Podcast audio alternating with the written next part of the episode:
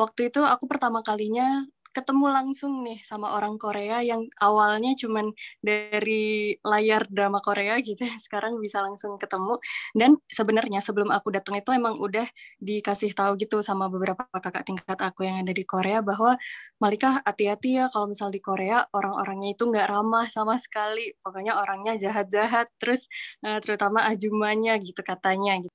Jadi banyak banget tantangannya kalau di Korea tuh sebagai ini ya laki-laki ya gitu ya kalau Malika kan nggak perlu jaga pandangan kalau misalnya ngeliat perempuan gitu. Jadi laki-laki puasanya banyak banget. Terus, nah itu tadi nyari tajil nggak ada, buka puasanya juga tuh uh, buat makanan istilahnya kan kalau buka ya tinggal beli aja sebenarnya. Cuma ya meriahnya tadi tuh nggak akan kerasa kalau misalnya tadi kita nggak dekat masjid, terus apalagi kita tuh cuma sendiri.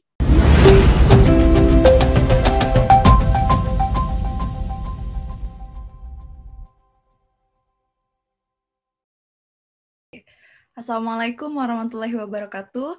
Um, halo semuanya, welcome back to Suara Awada Podcast. Jadi buat teman-teman yang uh, baru bergabung, Suara Awada Podcast ini adalah salah satu program dari Suara Awada yang bekerja sama dengan PPI Dunia, Perhimpunan Pelajar Indonesia Sedunia. Nah, uh, seperti uh, di episode yang sebelum-sebelumnya, Kali ini adalah episode yang keenam. Kita akan ngebahas tentang Ramadan lagi, masih dengan tema yang sama yaitu Ramadan Journey, di mana kita berkeliling di beberapa negara yang mencakup di seluruh uh, benua di seluruh dunia gitu. Nah di episode yang keenam ini kita bakalan jalan-jalan ke Korea. Kita akan kepoin gimana sih tradisi Ramadan unik yang ada di Korea. Uh, bersama aku Putri Ananda dan kali ini juga aku nggak sendiri. Di sini aku udah langsung undang teman-teman aku, langsung Ketua Perpika Perhimpunan Pelajar Indonesia di Korea, ada Mas Dimas dan juga Kak Malika uh, yang juga salah satu pengurus dari Perpika tentunya. Halo Kak Dimas, Kak Malika. Halo Kak Putri. Halo Kak Malika. Halo semuanya, teman-teman. Oke, kita bakalan ngobrol santai nih, uh, Mas Dimas dan juga Kak Malika tentang um, Ramadan di Korea itu seperti apa. Tapi sebelum ke sana, mungkin boleh perkenalan dulu secara singkat uh, di Koreanya dari kapan, terus juga uh, di Koreanya mungkin bisa di, disebutin di kotanya, dan mungkin bisa short introduction-nya pakai bahasa Korea gitu. Dari Mas Dimas, Silakan Mas Dimas. Oke, terima kasih Kak Putri. Annyeonghaseyo, suara awada cinggude, bangap semnida, 저는 hipi dimas rago hamnida. Jika busan dehakyo eso dan nigo isoyo. Oke teman-teman semuanya, eh, salam kenal. Saya Dimas. Saat ini saya sedang sekolah di Busan National University di kota Busan. Dan uh, aku senang sekali ya bisa dikasih kesempatan nih bisa sharing-sharing sama teman-teman semuanya uh, di bareng Kak Putri ya. Jadi teman-teman udah tahu ya, kita udah melalang buana di di negara-negara lain. Dan juga hari ini aku ditemenin juga nih sama Gubernur Perpika nih, Kamalika gitu. Mungkin gitu aja. Salam kenal semuanya. Oke, salam kenal Mas Dimas dan teman-teman juga yang uh, bergabung menonton Suara Awada Podcast kali ini gitu. Eh, Mas Dimas sekarang di uh, Korea lagi kuliah atau gimana Mas Dimas? Iya, kebetulan lagi sekolah, uh, graduate ya di saat saat ini ngambil S3. Alhamdulillah sebelumnya uh, lulus juga di sekolah yang sama waktu S2 gitu. Pak Putri. Wow. Oke. Okay. Thank you Mas Dimas. Mungkin sekarang Kak Malika. Silakan Kak. Oke. Okay. 네, 안녕하세요. 여러분, 제 이름은 말리카입니다. 저는 학생입니다. Uh, 만나서 반갑습니다. Uh, Oke, okay, jadi uh, nama aku Malika Najibah. Sekarang sedang melaksanakan studi master di Korea Institute of Science and Technology. Kalau teman-teman mungkin pernah dengar namanya KAIS. Kalau ini ibunya KAIS, jadi KAIS tanpa advance. Jadi KIS doang gitu ya. Uh, terus aku di Korea itu udah hampir dua tahun karena aku datang itu bulan Juli tahun 2019 itu aku lulus S1 langsung seminggu kemudian datang ke sini buat uh, buat lanjut S2 jadi uh, ini Ramadan kedua aku nih jadi ya nanti bisa kita uh, diskusikan lebih lanjut kira-kira gimana sih uh, rasanya melakukan Ramadan di Korea Selatan karena aku lihat banyak banget yang kepo kira-kira gimana soalnya kan di Korea orangnya kebanyakan bukan uh, orang muslim gitu ya dibandingkan kalau negara lain di Turki mungkin atau di um, di, di negara lain lah itu mereka udah biasa gitu ya. Kalau di Korea gimana nanti kita kupas tuntas. Semoga nanti banyak hal yang bisa kita pelajari dari uh, diskusi kita hari ini gitu. Aku kembalikan lagi ke Mbak Putri. Oke, tentunya ya Kak ya. Oke, dan juga mungkin uh, semoga bermanfaat juga ya untuk uh, teman-teman yang sedang menonton. Oke, kalau tadi udah tahu nih Kak Malika itu sekarang lagi kuliah di Koreanya, terus tinggalnya di bagian mana gitu. Nah, untuk selanjutnya, uh, boleh dong aku tanya Kak, um, saat waktu itu pertama kali menginjakan kaki gitu kan di negara Korea yang super duper uh, terkenal dengan K-popnya dan juga culture-nya yang sangat unik itu gitu. Ada nggak sih pengalaman kayak culture shock gitu yang dirasain di sana? Mungkin bisa dari Mas Dimas dulu, Mas. Oke, terima kasih Kak Putri. Wah benar banget ya Malika ya kita di Korea sebenarnya banyak banget perbedaan tentunya ya dari negara kita gitu. Karena jelas kalau kita keluar negeri itu pasti kita juga pasti pengen ngerasain ya budaya di negara kita belajar gitu. Kalau tadi Malika dua tahun ya aku dikali dua lagi lah lumayan udah empat tahunan nih di empat tahun lebih lah di Korea. Jadi ini kalau nggak salah eh, Ramadan kelima ya gitu. Jadi aku udah hampir mau masuk lima tahun nih Nah, jadi kalau pertama banget culture shock kalau untuk aku pribadi sebenarnya lebih ke makanan ya. Makanan itu termasuk culture nggak ya? Semoga itu masuk culture lah. ya lah budaya ya, makanan pasti masuk ya. Eh, setiap setiap negara punya makanannya masing-masing. Nah, jadi aku itu kan orangnya kalau makan tuh picky ya, maksudnya pilih-pilih. Bukan cuma perkara halal haram, tapi ya amis dikit kadang-kadang nggak bisa kalau nggak dimasak nggak bisa. Aku tuh makan yang mentah-mentah nggak bisa nih Kak Putri, Kak Malika gitu. Jadi teman-teman kalau kalian kayak aku yang makanannya itu sebenarnya pilih-pilih banget yang kalian tuh bisa makan itu aja berbulan-bulan. Nah, mungkin kalian akan ngerasain culture shock kayak aku di makanan. Jadi aku tuh kaget. Aku nggak tahu kalau Malika pernah apa enggak, nanti kita coba dengar gitu ya. Jadi aku tuh ngerasa kayak makanan Korea tuh hambar. Gini bukannya gimana-gimana nih, nanti teman-teman ngerasa wah masa sih Mas Dimas makan Korea hambar? Itu di mulut aku ya guys. Jadi kalau di mulut aku tuh aku ngerasanya hambar. Jadi datang-datang ke sini pun aku harus dibantu sama Kim. Nah kalau misalnya teman-teman pernah lihat di drama atau apa pun yang warnanya kotak eh warnanya kotak lagi warnanya hijau bentuknya kotak nah itu enak tuh. Ada ada asin asinnya mungkin itu micin buat aku ya. Supaya masuk nih makanan Korea gitu kak Putri. Jadi aku lebih culture shocknya makanan sih gitu. Oke. Wah, berarti ini juga informasi untuk teman-teman yang juga uh, tipenya piki-piki gitu terhadap makanan. Kalau misalkan nanti tinggal di Korea, boleh tuh beli yang tadi Kim ya, Kak ya? Iya. Tapi kita nggak perlu beli sih sebenarnya Kak Putri. Setiap kita makan, hmm. nanti itu disediain sama mereka di beberapa tempat gitu. Jadi emang udah apa ya, bancan ya, side dish-nya mereka tuh banyak gitu. Jadi itu bisa aja ada. Tapi ya mungkin 20% lah kalau misalnya itu nggak ada gitu ya. 80% pasti ada gitu. Oke. Wah, bisa dapat for free gitu ya, teman-teman. Jadi silahkan aja teman-teman nanti ambil itu biar berasa gitu makanannya. Oke, thank you Mas Dimas. Mungkin dari uh, Kak Malika pernah ngalamin culture shock nggak Kak selama tinggal di Korea sampai sekarang?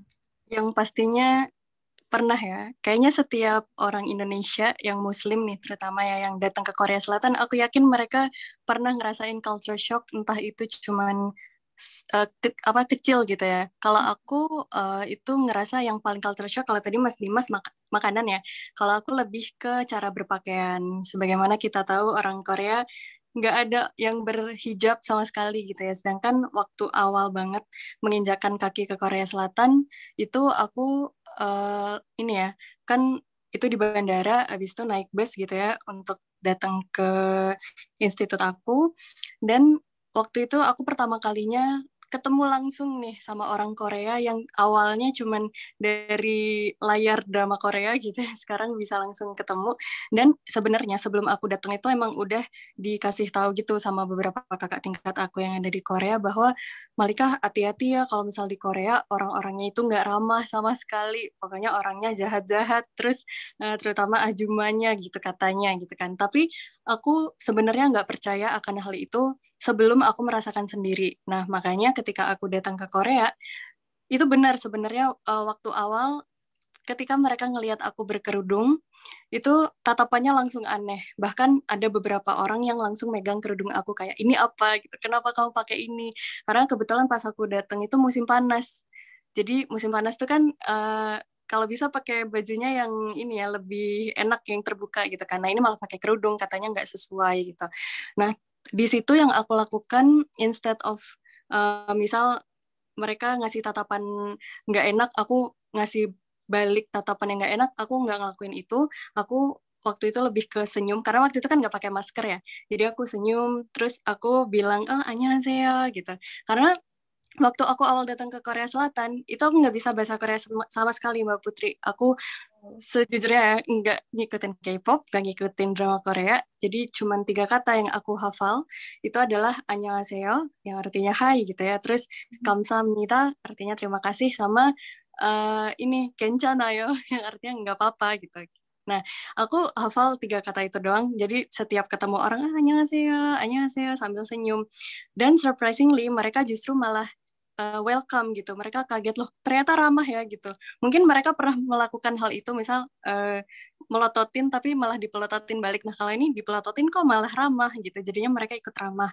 Oh annyeonghaseyo. Terus kadang ditanya pakai bahasa Inggris. Terus uh, kadang juga seringnya sih pakai bahasa Korea. Nah makanya di situ aku oh kayaknya aku harus belajar Korea juga nih, belajar bahasa Korea sedikit demi sedikit. Dan akhirnya sekarang aku alhamdulillahnya udah lumayan bisa dikit-dikit. Jadi kalau misal diajak ngobrol uh, itu bisa gitu. Nah, itu sih tadi terkait outfit. Tapi lama-lama aku ngerasa udah mulai biasa gitu. Terutama di institut aku itu udah mulai banyak orang muslimnya, tapi kalau lagi jalan-jalan keluar ke pasar misalnya atau ke stasiun itu banyak orang yang masih awam dengan hijab gitu. Tapi itu kembali ke diri kita sendiri. Apakah mau menerimanya sebagai sesuatu yang menyedihkan misalnya atau ya udah diterima aja dengan lapang dada misalnya atau jadinya oke okay, aku belajar bahasa Korea aja deh biar bisa uh, blend sama mereka gitu. Itu culture shock yang pertama.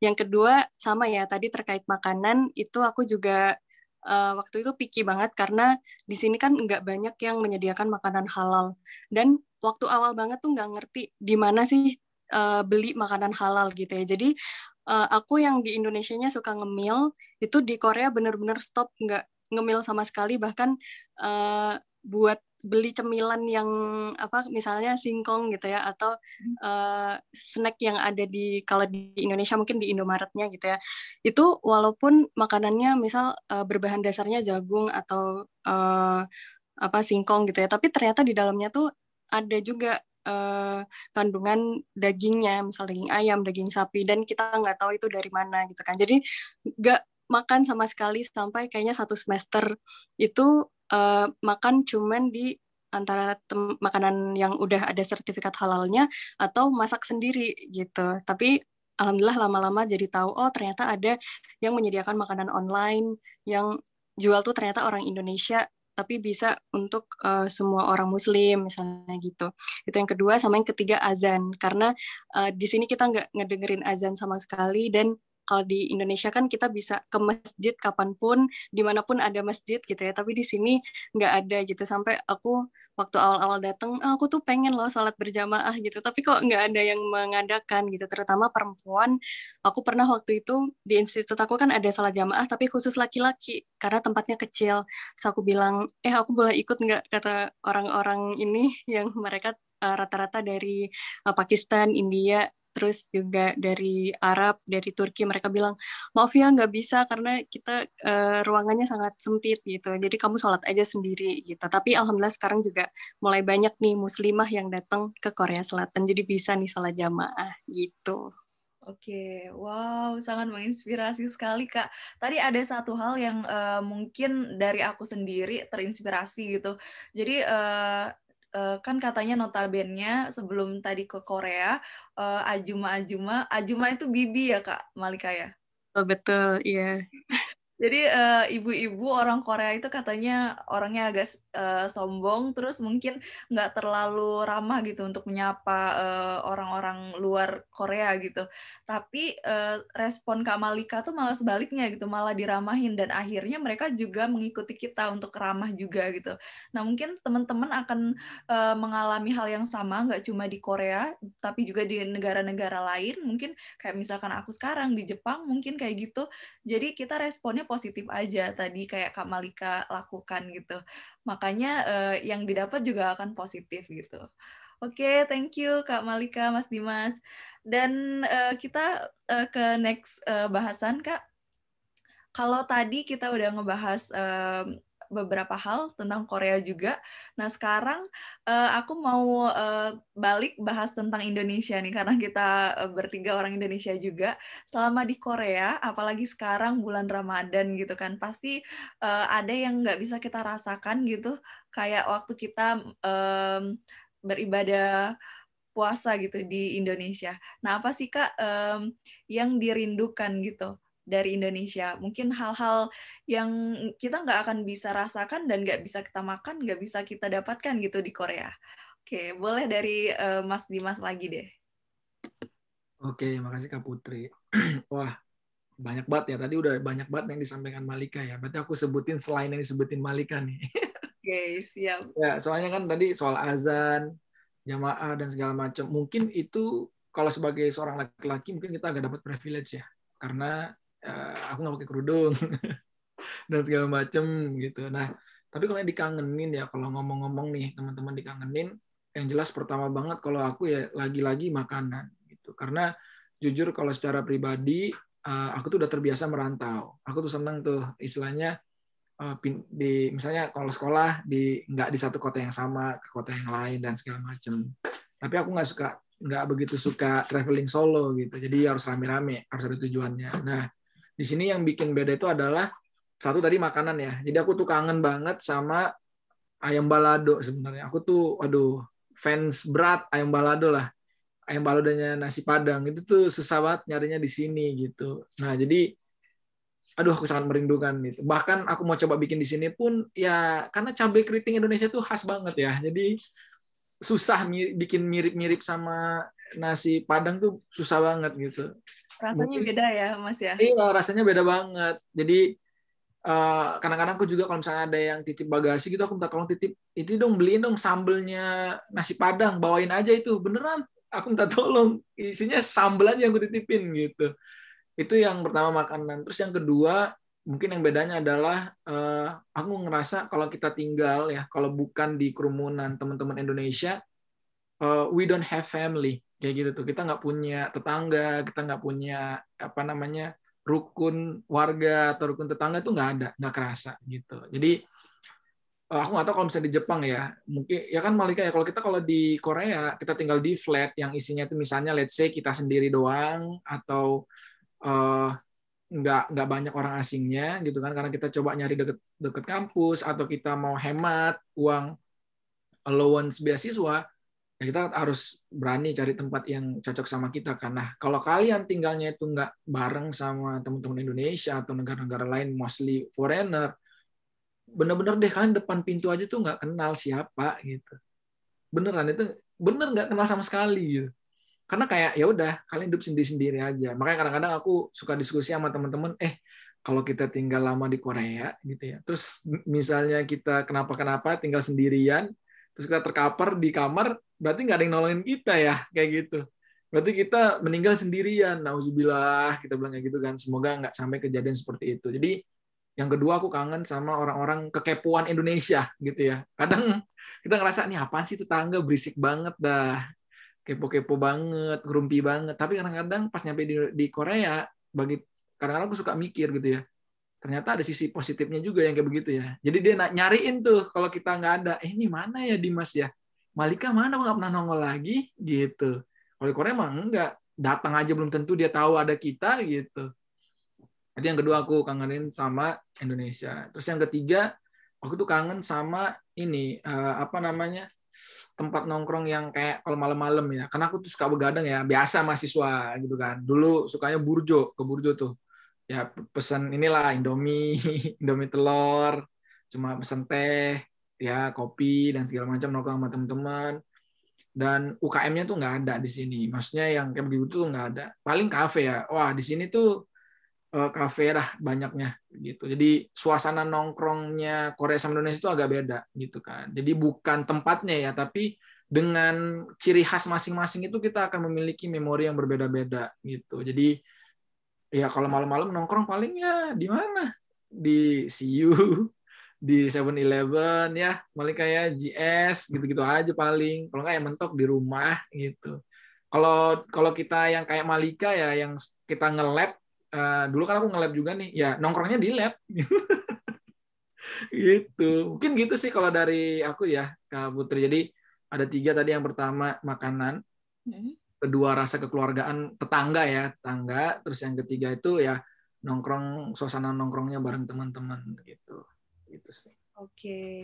wow, ya sih, uh, aku juga ngerasain pasti kayak gitu ya, nggak nggak nggak bisa sama persis gitu apa yang kita rasakan uh, pas waktu kita di kampung halaman di Indonesia gitu. Oke, okay. kak, kalau kak Malika apa nih yang dikangenin dari Indonesia? Terus sebenarnya mirip banget ya sama yang dibilang Mas Dimas tadi udah banyak juga yang diutarakan. Tapi mungkin kalau versi aku yang pertama tadi terkait dengan keluarga ya. Uh, kan sebenarnya banyak yang bilang gini ya, di, orang Indonesia itu kalau di luar negeri nggak perlu khawatir karena biasanya banyak juga nih orang Indonesianya dan sekali ada orang Indonesianya di situ kita akan guyup terus uh, pokoknya uh, apa-apa bareng gitu kan.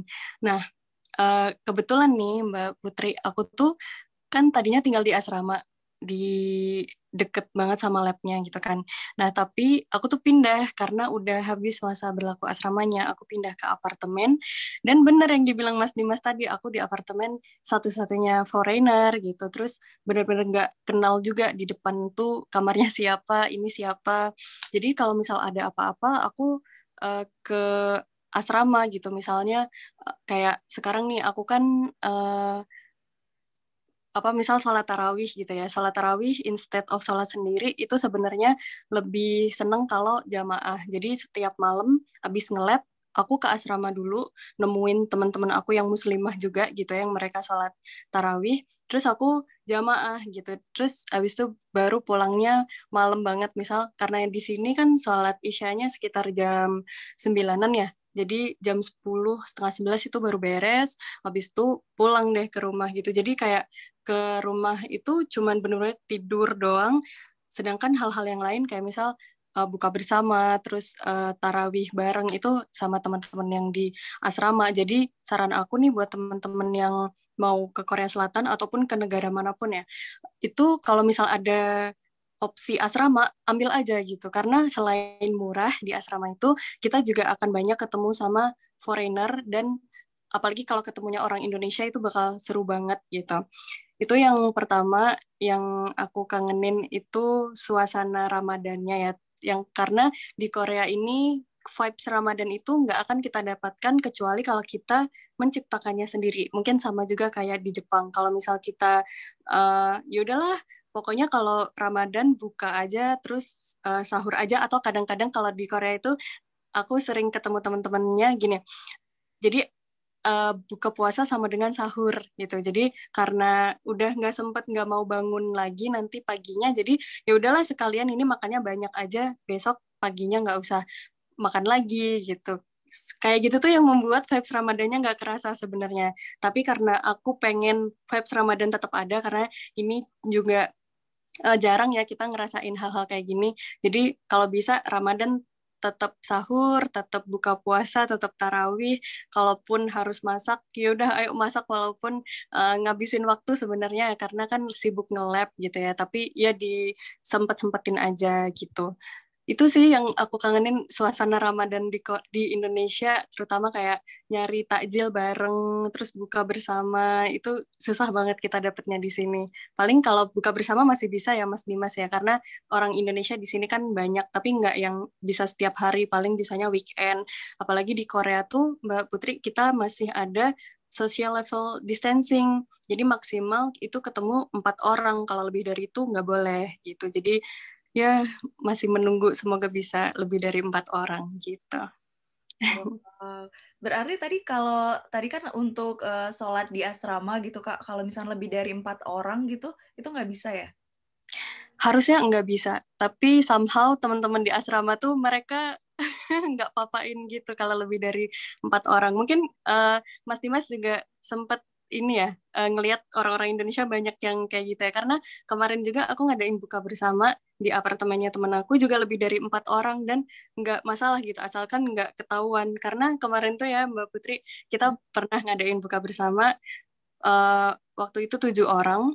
Habis itu ternyata ada ini ada yang lapor di kamar sebelah bilang bahwa uh, kayaknya ada lebih dari empat orang soalnya rame banget gitu. Akhirnya telepon polisi dan polisinya datang tuh ke rumah kita. Tapi kodarullah banget kebetulan tiga dari kita itu lagi pengen banget makan es krim ya. Jadi eh kita makan es krim yuk beli dulu. Dan kebetulan tuh bertiga gitu. Jadi pas polisinya datang itu pas empat orang. Jadi nggak jadi ditangkap gitu. Makanya ini juga tricky banget pokoknya bahaya banget sebenarnya. Kalau bisa sih kalau lagi rame-rame ya jangan terlalu ngeluarin suara biar tetangga juga nggak keganggu gitu.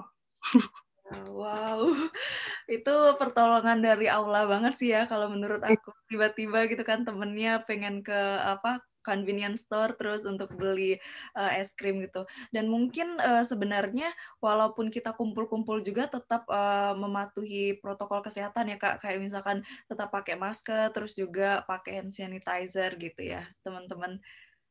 Iya, kalau di Korea Selatan aku nggak pernah ngelihat orang yang nggak pakai masker sama sekali. Kalau di Indonesia mungkin banyak atau bahkan di Eropa banyak, tapi kalau di Korea bahkan aku pernah lihat ada ini ya uh, apa sih tunawisma gitu nggak punya rumah tetap uh, semua pakai masker. Ada pernah aku lihat pemulung pakai masker juga. Jadi benar-benar semua sesuai protokol kesehatan gitu. Oke, nah semoga teman-teman yang sedang menonton uh, kalian entah di Indonesia entah entah di negara lain gitu bisa mematuhi uh, peraturan dan protokol kesehatan yang disarankan oleh pemerintah setempat ya teman-teman. Oke, kalau tadi kita udah bahas tentang apa yang dikangenin dari Indonesia, uh, Mas Dimas, Kak Malika. Terus aku juga mau kepoin juga gitu, dan mungkin teman-teman nih yang bakalan uh, someday mau ke Korea, entah itu sebagai pelajar atau melancong aja gitu. Karakter orang Korea tuh gimana sih Kak uh, sebenarnya gitu? Walaupun tadi udah disinggung ya tentang uh, karakter Ajumanya gimana, terus tadi kata Mas Dimas, kalau sesama tetangga itu bisa jadi kita nggak kenal sama sekali gitu tapi secara dominan mungkin bisa didetailin lagi uh, dari Mas Dimas. Mas Dimas silakan. Oke, makasih Kak Putri. Aduh, kalau kita ngomongin karakter tuh pasti kompleks ya, teman-teman ya. Karena pada dasarnya ya apa yang ada di Korea itu pasti juga ada di negara kita ataupun di negara lain dan segala macam. Nah, jadi kalau uh, aku sih melihat di Korea itu mereka tuh lebih homogen ya. Lebih homogen tuh maksudnya mereka tuh seneng yang sama-sama yang mirip-mirip ya. Kayak rambut ya kan? Terus baju kalau sama nggak masalah. Jadi kalau kita kalau di Indonesia kalau bisa tuh baju yang misalnya tulisannya saya anak rantau ya. Kalau bisa saya doang yang pakai gitu tuh. Yang lain tuh jangan gitu ya. Jadi itu ya yang yang bikin menurut saya agak beda ya karakter orang Korea itu karena mereka homogen eh, dan ya kalau misalnya teman-teman lihat mayoritas ya mereka sama ya. Jadi ada pertama kali aku datang aku susah bedain nih. Ini orang Korea kok sama semua wajahnya kayak gitu ya. Gitu kalau di Indonesia jelas ya kita beda-beda ya. Coba aja ngelihat tuh dari dari Sabang sampai Merauke pasti kita bisa oh iya ini orang Jawa, oh ya ini orang Sunda, oh orang ini orang Papua, orang ini karena punya ciri khas masing-masing gitu kan. Kalau di Korea enggak homogen semua, sama gitu kan. Nah, jadi Uh, itu satu. Terus yang kedua yang homogen itu bukan cuma dari sisi cara berpakaian dan segala macam. Mereka tuh homogen yang yang aku bilang tadi. Memang mungkin karena culture-nya yang mereka senang bareng-bareng tadi atau sama sejenis itu mereka tuh lebih taat aturan. gitu ya maksudnya kalau misalnya dia ada misalnya contoh nih nggak usah lah uh, mau beli jajan gitu ya atau misalnya mereka ngantri apa pasti mereka nungguin tuh di situ nonton konser gitu kan pasti antrinya ini kalau nggak tahu deh kalau di Indonesia desak-desakannya gimana gitu kan kalau di Korea ya ada sih desak-desakan dikit-dikit paling dibilang sama petugas eh jangan desak-desakan udah habis itu mereka berhenti ya lurus lagi kayak gitu tuh kalau enggak, ya apaan sih pas udah dari pagi nih gini-gini. Nah mereka tuh nggak ada yang kayak gitu. Jadi aturan gitu ya mas ya? Iya iya, yang aku tahu ya. Tapi mungkin pasti ada di beberapa kejadian mereka pun chaos dan segala macam pasti aja ada gitu. Cuma mayoritas seperti itu karena aku juga tanya sama teman-teman aku yang suka ini ya datang-datang ke stasiun-stasiun TV kemarin sama teman aku, aku tanya, eh kalian kalau misalnya nonton itu orang Korea gimana sih nungguinnya? Iya, jadi Korea itu sudah memfasilitasi mereka-mereka yang memang uh, pengen nonton. Jadi Koreanya itu juga uh, bikin aturan dan mereka juga menerapkan apa aturan yang mereka lakukan gitu. Beda kalau misalnya kejadian misalnya dibilang oh ya harus antri ya kalau yang datang jam 5 ya jam 5 kalau lewat hangus. Nah, kalau di Indonesia kadang-kadang kan kita bisa ayo dong Pak, saya udah tadi pagi nih ini segala macam gitu kan. Ya udah nggak apa-apa nggak apa-apa. Di Korea nggak nggak ada nggak ada itu tuh nggak ada bujuk-bujuk begitu tuh nggak ada. Nggak lewat kamu udah ini gitu. Makanya mereka ngantri dari pagi. Bahkan kadang nonton jam 5 sore dia udah nunggu dari hari sebelumnya gitu. Supaya mereka nggak kelewat. Itu karakternya ya. Aku bisa juga bilang mereka tuh gigih. Kalau misalnya mereka udah ini ya udah niat dan Indonesia juga kurasa seperti itu nah terus yang lagi yang karakter Korea yang aku bilang itu adalah mereka itu ini uh, apa namanya suka kumpul-kumpul sebenarnya. Kalau ada alkoholnya, kayak gitu ya. Kalau ada alkoholnya gitu. Jadi soju itu emang udah ini banget ya, istilahnya kayak budaya mereka dari, aduh nggak tahu dari zaman kapan lah. Pokoknya mereka tuh pasti kalau mau merayakan sesuatu, mau akrab, mau apa ya harus nongkrong dulu lah, minum dulu dan segala macam. Nah, karakter kayak gini juga kadang-kadang sulit nih buat kita yang kayak aku atau Malika yang Eh, kita tuh nggak minum alkohol dan segala macam kadang-kadang kita nggak bisa terlalu berbaur sama mereka yang bener-bener kental banget budaya Koreanya. Nah itu tadi tuh gitu. Jadi istilahnya kalau bahasa mereka tuh no jam gitu tuh ya kan nggak asik nih Dimas gitu. Masa nggak bisa sih? Kan dikit aja dikit. No jam banget sih gitu. Gitu sih kalau misalnya dari aku ya karakter-karakter Korea yang ini. Uh, terus aku ada ini ya yang yang berhubungan sama homogen tadi tuh tiba-tiba aku keinget. Jadi aku main sama teman Afrika gitu ya. Jadi ada Ajuma nih balik lagi sama Ajumanya Malika nih ya. Ya jadi Ajuma okay. jadi Ajumanya itu apa namanya main sama teman aku jalan sama teman Afrika itu ke side country jadi dulu waktu aku S2 kita tuh ada kampus cabang lain jadi di kampusku di Pusan National University itu cabangnya banyak tempat Malika juga banyak sih cabangnya tergantung jurusan masing-masing kan nah jadi aku tuh di Miriang waktu itu. Nah di Miriang itu uh, ada kampus namanya uh, Pusan National University Miriang Campus.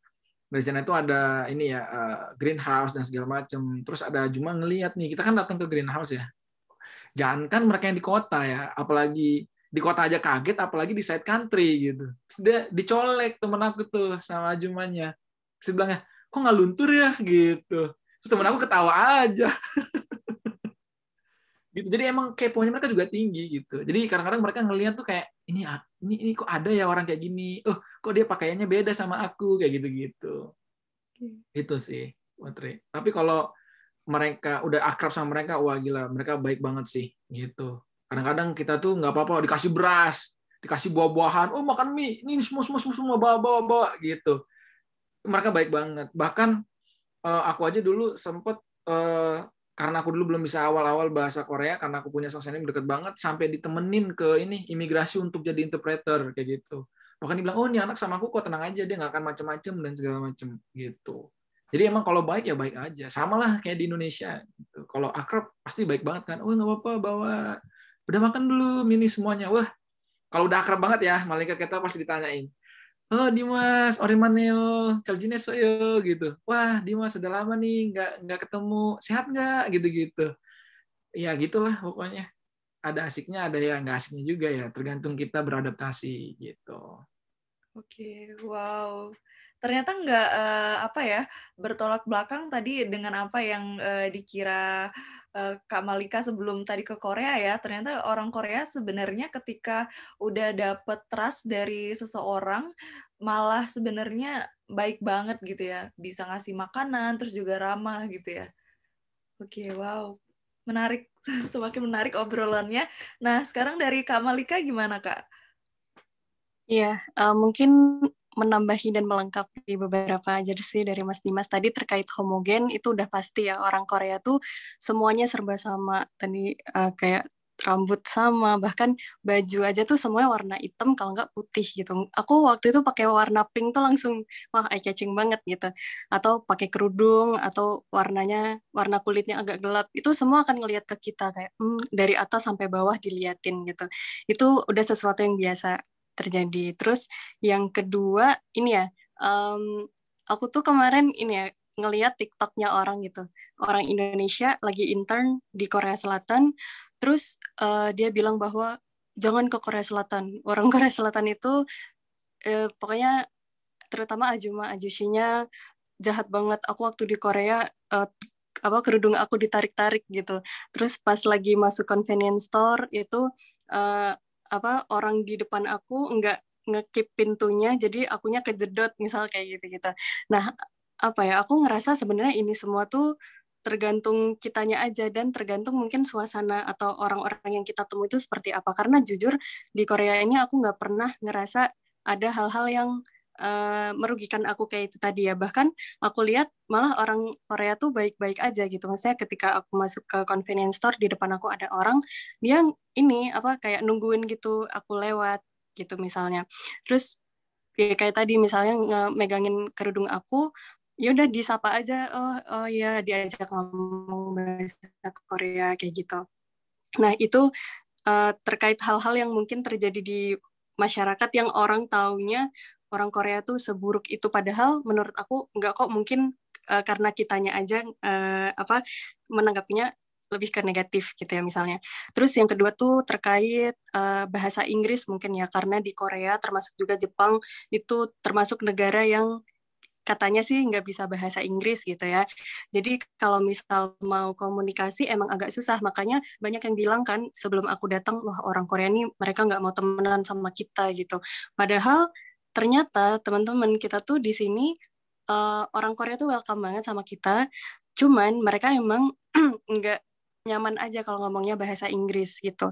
Jadi instead of kita belajar bahasa Korea, jadi bisa ngobrol sama mereka atau kadang um, mereka yang pakai bahasa Inggris tapi bahasa Inggrisnya sederhana. Banyak orang Indonesia yang bilang bahwa ketika aku datang ke Korea itu bahasa Inggris aku downgrade gitu karena pakainya bahasa Inggris yang sederhana-sederhana gitu.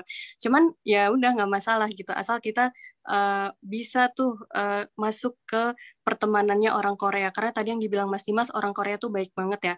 Uh, sekalinya udah kenal itu kita udah dianggap keluarga sendiri gitu. Bahkan tadi dikasih beras dikasih makanan itu benar terjadi karena aku juga gitu uh, pernah lagi hujan terus aku nggak bawa payung tiba-tiba ada ajushi yang punya payung dua terus bilang bawa aja kasihan kan gitu. Padahal nggak kenal sama sekali.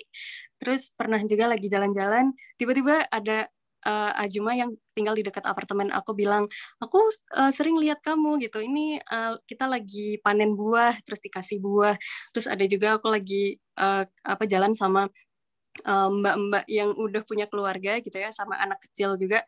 Terus tiba-tiba anak kecilnya dikasih uang ini Korea gitu ya. Terus ini ya buat jajan katanya gitu. Jadi orang Korea tuh ya ada yang baik ada yang kadang emang gak sesuai yang kita inginkan aja gitu. Tapi ya kayak orang Indonesia aja sih sebenarnya ada yang baik juga ada yang kalau dibilang jahat juga ada gitu.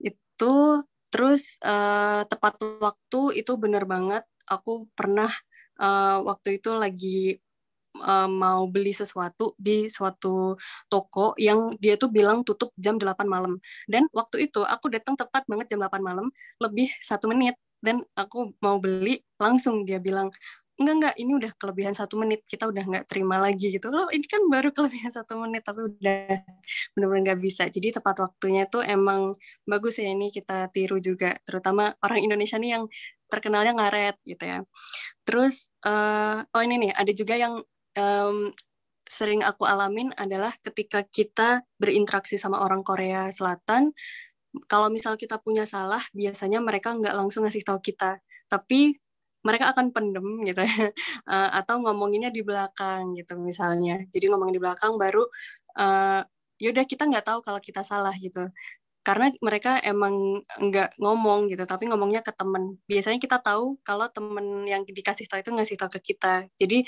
itu sering terjadi. Terus um, oh ya karena aku tinggal di lab orang Korea itu ambis banget. Jadi kayak kalau misal kita kerja normalnya harusnya jam 9 pagi sampai jam 6 sore, orang Korea ini maksa. Pokoknya kalau bisa pulangnya malam, misalnya jam 10 malam atau jam 12 malam bahkan sampai jam 2 pagi biar uh, bisa ngerjain banyak hal, bahkan kadang liburan nggak libur gitu ya. Tapi itu tergantung sama orangnya masing-masing. Ada yang emang dipaksa sama profesornya kayak gitu, ada yang ini aku pengen aja sendiri biar hasilnya bagus misalnya kayak gitu. Terus um, kalau ini nih ketika aku jalan-jalan itu aku nggak pernah ngeliat orang Korea itu jalan sendiri gitu jadi pasti mereka berpasang-pasangan punya entah itu suami entah itu pacar gitu ya atau mereka sama keluarga gitu jadi kalau di Indonesia mungkin kita sering lihat orang tuh jalan sendiri-sendiri tapi kalau di Korea emang mereka kayaknya keluarga oriented banget gitu karena ketika libur itu biasanya tempat-tempat uh, buat wisata itu rame dan biasanya ramenya itu oleh keluarga-keluarga kayak gitu. Itu sih paling uh, beberapa reviewnya terkait orang Korea. Wow, banyak banget sih ini informasi-informasi tentang karakter asli orang Korea ya. Maksudnya nggak semuanya, tapi mungkin dominannya seperti itu ya, Mas Dimas dan iya. Kak Malika. Ya, aku mau nambahin deh Kak Putih satu. Boleh, uh, ya, boleh banget. Uh, ini ya, maksudnya apa pun yang kita ceritakan di sini itu kan berdasarkan pengalaman kita aja ya, gitu ya. Jadi sekali lagi uh, aku cuma mau menegaskan bahwa uh, apa namanya istilahnya kayak dark side itu pasti ada, kayak gitu ya. Dark side itu pasti ada. Makanya aku mau juga sekalian deh sampaikan sama teman-teman di mana pun kalian berada tuh, cobalah berusaha untuk pandai-pandai beradaptasi, kayak gitu. Jadi ya kita juga perlu harus ini ya uh, aware gitu jangan misalnya oh ya kemarin saya habis lihat di YouTube ini di podcast dengar di podcast ini dan segala macam ah enggak nggak mungkin deh dia begini. Orang Kak Dimas aja kayak gitu Kak Malika begini Kak Putri begitu dan segala macam terus kita tuh jadinya nggak aware nih. Nah ini yang yang yang yang salah ya menurut aku gitu. Jadi teman-teman harus ingat bahwa di mana pun kita berada tetap harus aware apa pun itu. Jadi tetap semua orang itu pasti uh, punya dua sisi ya, sisi dark side-nya sama uh, sisi baiknya gitu. Kalau kata Bang Napi kan ya, aku izin mengutip dari kata Bang Napi gitu kan, kejahatan itu terjadi bukan karena niat pelakunya gitu ya, tapi karena ada kesempatan. Jadi waspadalah, waspadalah gitu. Oke, wah benar banget nih waspadalah teman-teman. Dan aku setuju banget sih tadi uh, sama Mas Dimas juga sama Kak Malika. Sebenarnya uh, intinya tuh ada di kita juga gitu. Kadang-kadang uh, pinter-pinter bergaul aja gitu. Kalau misalnya kita selaginya kita ramah dan baik dan mereka tahu bahwa kita nggak akan membahagiakan mereka, ya mereka juga akan baik kepada kita ya. Semoga seperti itu ya. Oke. Okay. Um, lagi-lagi kalau misalkan kita udah membicarakan tentang suatu negara itu pasti uh, salah satu salah satunya adalah uh, tempat jalan-jalannya gitu ya kan. Kayak misalkan nggak mungkin nggak bisa dipungkiri dari Mas Dimas juga, dari Kak Malika juga tujuannya ke Korea salah satunya adalah karena mungkin ada destinasi-destinasi tertentu di Korea yang udah menjadi incaran gitu sejak dulu gitu. Nah mungkin aku langsung ke Opa uh, Dimas lagi nih. Silakan Mas Dimas, mungkin bisa dikasih tiga rekomendasi gitu pariwisata yang terkenal di Korea yang mungkin uh, bagi orang-orang kayak traveler gitu uh, belum terlalu familiar tapi mungkin uh, bagi Mas Dimas dan Kak Malika ini nih gitu re highly recommended banget gitu. Mungkin bisa diceritain Mas Dimas. Jadi kalau jujur aja kalau misalnya masalah tempat jalan-jalan ya aku tuh sebenarnya nggak kepikiran sama sekali di Korea Kak Putri. Aku pengennya ke negara Kak Putri sekolah kayak gitu loh. Iya, aku tuh fans sejatinya anime gitu ya. Jadi ya bukan berarti aku menyesali ya enggak. Jadi memang tujuan utamanya itu kan kalau nggak ke Eropa dulu ya, kemudian ke Belanda gitu kan, terus baru ke Jepang, baru ke Korea. Nah, jadi kalau misalnya jalan-jalan aku tuh justru malah nyarinya uh, apa sih uh, bukan tempat-tempat orang yang banyak orang malah gitu. Ya, jadi kalau misalnya apa tempat-tempat rekomendasi jalan yang bagus banget dan segala macam ya tinggal teman-teman datang aja di websitenya inilah visit Korea gitu kan atau misalnya datang di Korean Tourism Organization gitu. Tapi kalau secara personal karena aku tinggalnya di Busan gitu ya. Busan itu terkenal dengan seluruh pantai-pantainya ya. Jadi jelas yang pertama kalian tuh harus datang ke Guanganli atau Hyundai gitu ya. Jadi itu ada dua tempat tapi itu deket-deketan, nggak jauh-jauh lah gitu. Nah, itu keren banget. Pokoknya yang suka-suka ngelihat laut, pantai, ada jembatan kelap-kelip kalau malam, pantai lah kalau di Busan gitu. Terus yang kedua, temple-templenya biasanya gitu ya. Kalau misalnya teman-teman seneng ke temple, terus uh, ngelihat sejarah-sejarah yang masih Eh, bisa kita nikmati ya sampai sekarang ya silakan ke tempelnya terus yang ketiga aku tuh senangnya ke ini ya museum jadi aku di Busan itu ada museum yang kita bisa pakai hanbok secara gratis jadi hanbok itu tuh eh, baju tradisionalnya Korea nah kita bisa pakai dan kita juga diajarin tuh manner di kerajaan tuh gimana sampai cara bikin tehnya gitu jadi dulu waktu pas aku bisa wisuda S2 di Korea aku alhamdulillah Eh, jalan-jalan sama orang tua dan adik-adik. Nah, aku langsung bawa tuh ke museum itu biar pakai handbook, terus habis itu nyobain gimana caranya buat teh Korea di kerajaan. Jadi gimana cara nuangnya, cara bikin tehnya dan segala macam. Nah, itu ada tuh di situ di museum.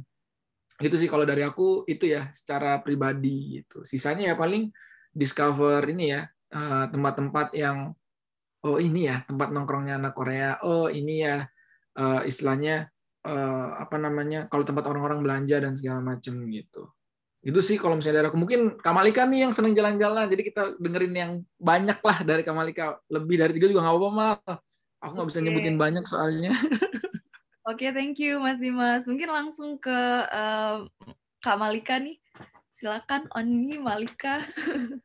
Iya kalau aku mungkin agak beda ya sama Mas Dimas. Tadi Mas Dimas kayak suka yang museum-museum. Justru aku agak nggak begitu tertarik ya dengan museum. Aku lebih suka tempat-tempat terbuka, misalnya kayak mendaki gunung gitu. Atau uh, malah ke tempat-tempat kayak kafe. Karena di di Korea itu kan banyak banget kafe. Dan uh, aku tuh pengen kayak mendatangi di berbagai kafe yang ada di Korea karena mereka tuh punya konsep uniknya masing-masing gitu. Ada yang misal kafenya ada dombanya, kita bisa interaksi sama domba misal atau ada kafe terus um, ada ada tempat foto yang emang spotnya itu uh, unik banget beda dari yang lain. Jadi kafenya tuh kreatif gitu. Kalau misal di Indonesia kayaknya mungkin belum sebanyak itu ya kafe-kafenya. Paling kalau misal uh, ada satu konsep itu ditiru oleh konsep yang uh, oleh kafe-kafe yang lain. Tapi kalau di sini kita beda-beda gitu. Jadi kalau misal jalan-jalan aku biasanya ke kafe. Um, tapi kalau misal secara umum ya, yang pengen aku uh, sarankan nih ke teman-teman yang aku ngerasa ini bagus banget gitu. Yang pertama itu Bukhansan. Itu uh, gunung karena aku tadi bilang uh, suka mendaki gitu. Nah, Bukhansan ini kalau misal dibandingkan sama gunung-gunung yang ada di Indonesia, um, itu cen, apa ya cenderung sangat cepat gitu ya mendakinya. Karena kalau di Indonesia kan lama lama banget ya kayak bisa sampai belasan jam bahkan dari pagi mungkin bisa sampai malam gitu. Tapi kalau di sini itu 30 menit aja atau mungkin sekitar satu jam itu kita udah sampai ujung. Dan pemandangannya juga nggak kalah menarik gitu dari di Indonesia. Jadi uh, di sini tuh sebenarnya uh, apa ya mendaki gunung tuh sesuatu yang emang sangat diminati bahkan oleh orang-orang tua. Karena ketika aku mendaki itu biasanya ketemu sama uh, ajuma terus juga ajushi. Kalau tadi udah dibilang ajuma itu yang ibu-ibu kalau ajushi itu yang bapak-bapaknya gitu ya. Jadi mereka bahkan sampai usia udah lanjut pun tetap semangat nih buat mendaki gunung gitu. Karena mereka tuh nggak tahu ya sehat-sehat banget gitu aku lihatnya. Orang-orang tua tuh walaupun udah tua tetap masih mau gerak nggak mau cuman diem aja di rumah gitu terus yang kedua ini mungkin teman-teman juga udah sering dengar gitu ya karena setiap uh, misalnya datang ke Korea Selatan misalnya lewat travel itu udah ada satu paketnya itu di Nami Island. Karena Nami Island ini kita bisa ngelihat Korea tuh lagi musim apa sih sebenarnya gitu ya. Jadi misalnya lagi musim semi, oh nanti warna daunnya lagi pink semua gitu. Terus misalnya lagi musim gugur semuanya lagi merah-merah. Jadi selalu ada spot foto yang menarik gitu di situ. Dan di situ mereka konsepnya tuh kayak negara gitu. Jadi walaupun sebenarnya dia itu posisinya masih di dalam Korea Selatan, tapi ketika kita datang ke sana, karena kita harus naik ini ya naik kapal gitu ya, itu beli tiketnya itu seolah-olah kita tuker visa gitu kita beli visanya. Jadi ada visa negara nami gitu jadi konsepnya unik. Terus yang ketiga itu uh, mungkin ini aku belum pernah ke sana tapi banyak orang yang bilang ini bagus banget itu di Jeju Island gitu. Kalau di Indonesia kita punya Bali kalau di Korea Selatan kita punya Jeju gitu. Karena orang Korea juga sering banget liburan ke sana bahkan kalau conference itu biasanya konferensinya diadakan di Jeju. Kenapa? Biar selesai conference kita bisa jalan-jalan gitu.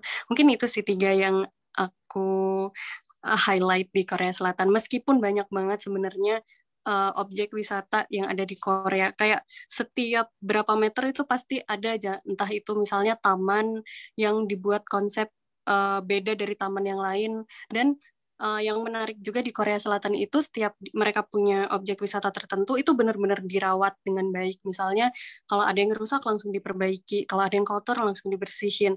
Bahkan ada juga yang bahkan ramah uh, ramah untuk orang-orang Muslim gitu kayak di Nami Island itu mereka udah sedia masjid bahkan uh, juga udah sedia tempat-tempat uh, yang jual makanan halal kayak gitu. Karena sekarang kan uh, kayaknya orang Indonesia ataupun foreigner yang muslim itu udah jadi target untuk wisata gitu ya. Jadi mereka udah menyediakan itu gitu.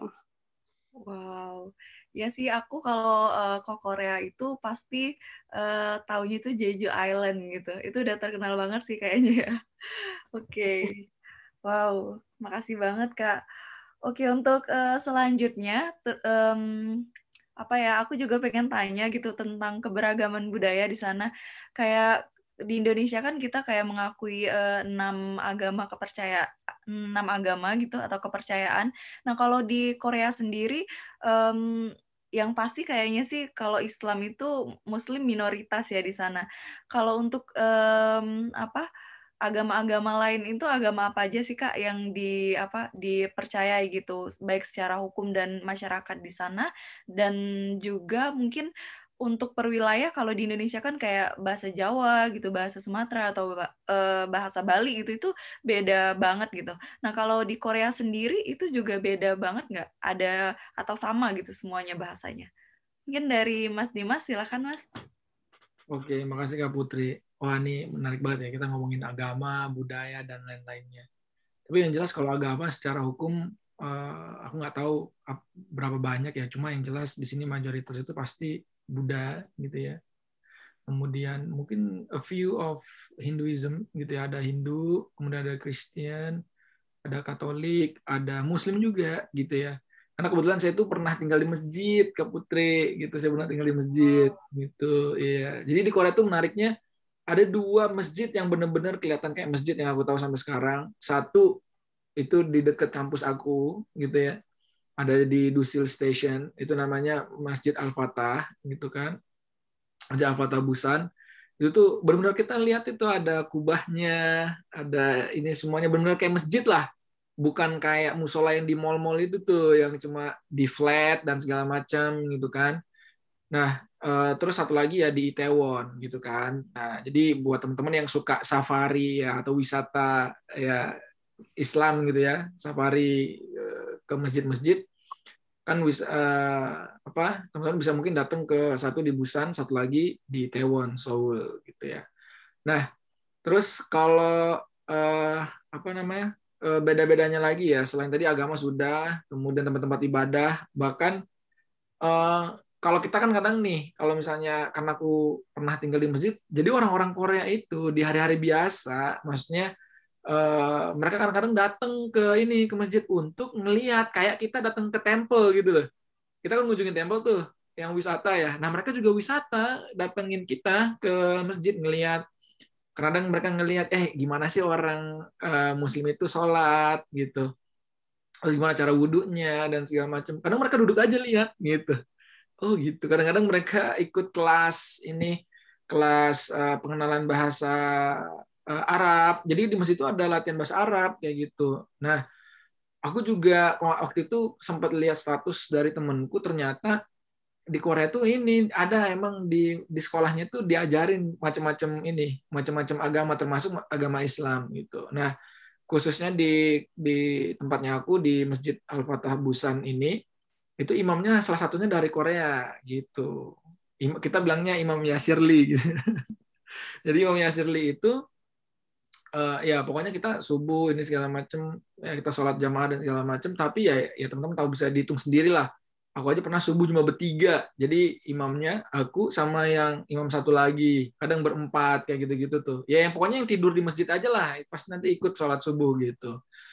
Nah itu yang keragaman yang aku ngerasa kayak yang dilakukan Korea yang dilakukan juga sama kita orang Indonesia dan uh, orang asing lainnya ya. Mereka jadikan tempat uh, ibadah itu sebagai salah satu wisata menarik juga ya dalam terkutip nih wisatanya ya kan? Terus habis itu misalnya kita ngomongin tentang um, dialek tadi ya ya kan? Misalnya tentang dialek.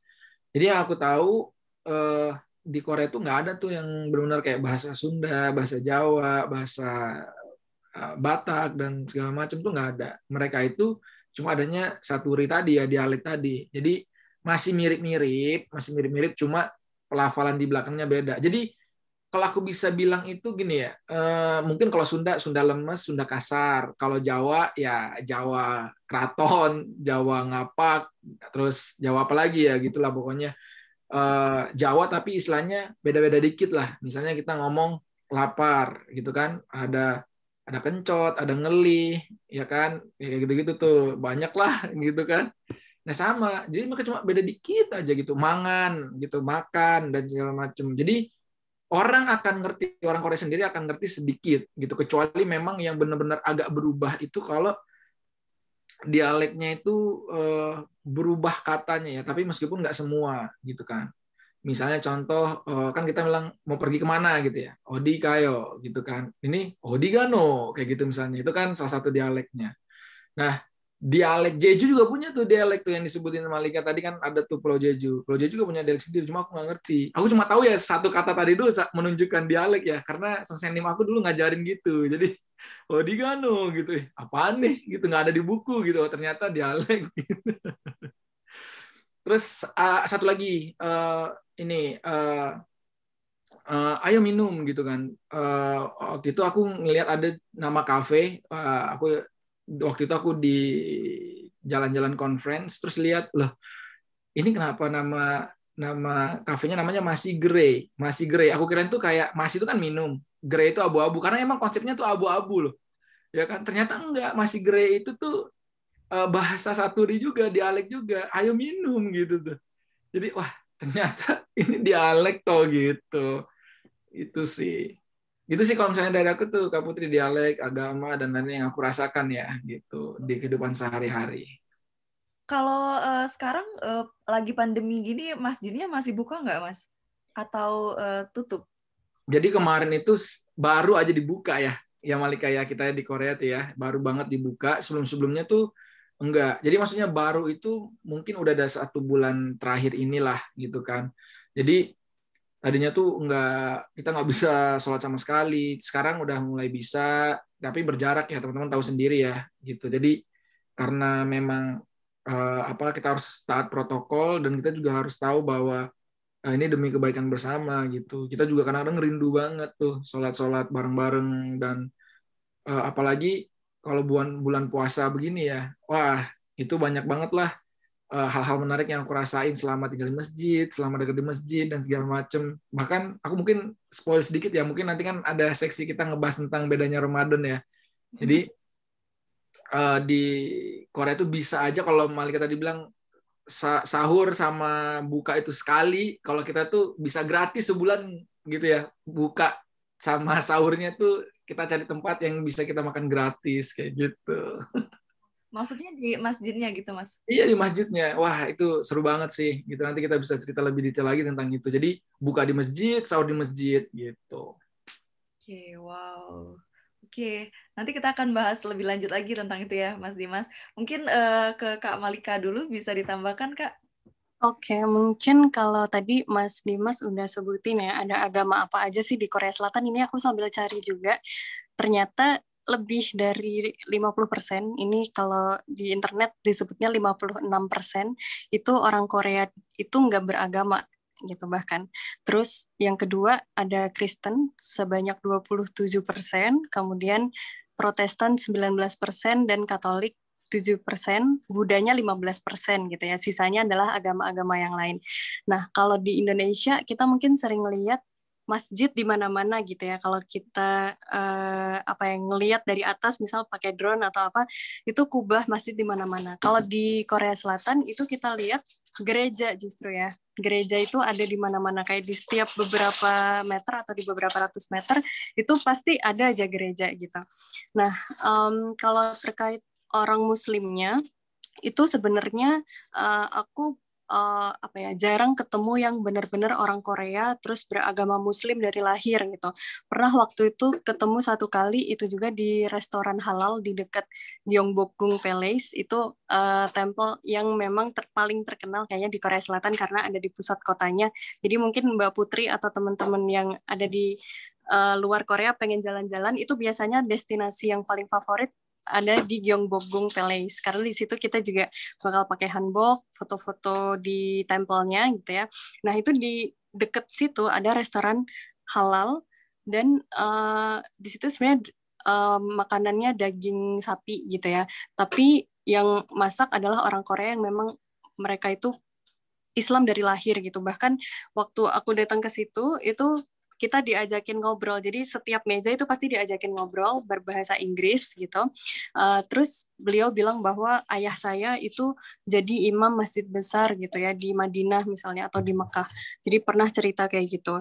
Tapi untuk yang perempuannya itu aku nggak pernah ketemu gitu ya.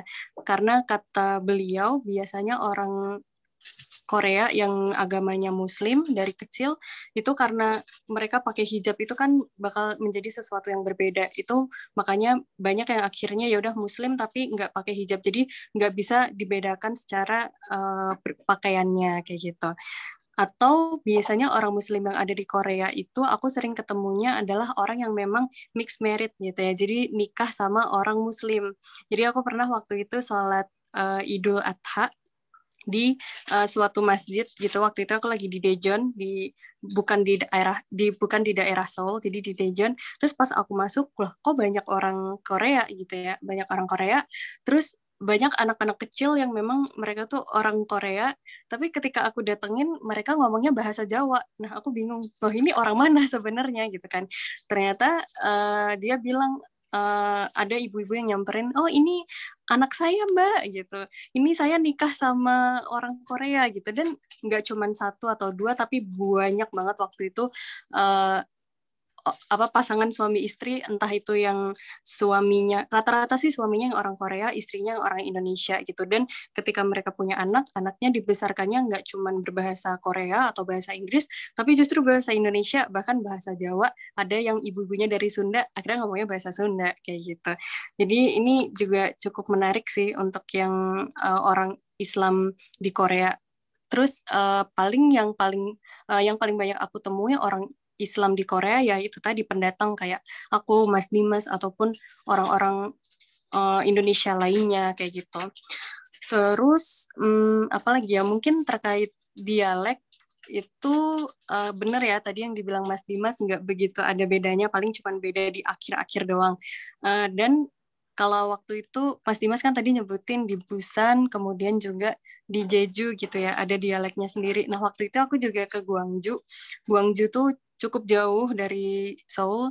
Terus di situ Uh, aku sebenarnya nggak ngeh karena waktu itu awal-awal banget belajar bahasa Korea jadi nggak bisa ngebedain. Tapi orang yang bisa bahasa Korea mereka tahu oh ini ada dialeknya ada medok-medoknya sedikit gitu.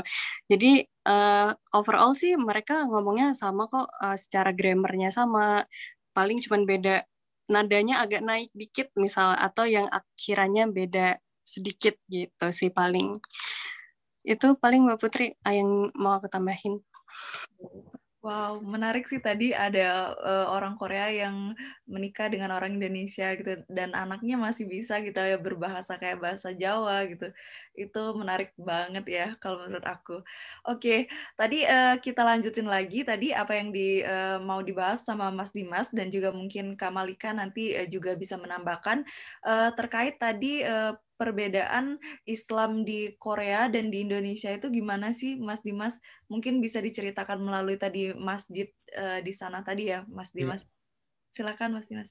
Ini teman-teman kita lanjut lagi ya yang tadi ya. Nah, jadi uh, kenapa aku bisa bilang menarik? Jadi karena aku sekarang udah ngalamin dua uh, jenis Ramadan ya. Jadi saat pandemi dan uh, sebelum pandemi gitu ya. Jadi sebelum pandemi itu enak banget meriah lah. Maksudnya makanya kenapa aku tadi ngerasa kayak uh, apa tuh hmm, hal-hal yang aku shock culture-nya dan segala macam itu bukan Ramadan gitu. Karena aku tinggalnya deket sama masjid ya kan dan segala macam. Jadi uh, itu tuh meriah banget gitu kan. Jadi jadi aku ada ngerasain yang enggak maksudnya yang kurang meriah meriah dan segala macam aku udah ngerasain.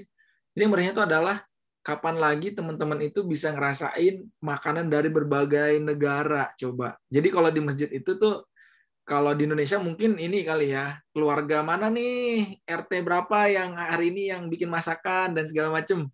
Ya kalau di Korea itu negara mana gitu. Aku cobain negara Uzbekistan, ada yang Afrika, kemudian uh, apa namanya Indonesia juga. Ya wajar ya Indonesia ya gitu kan.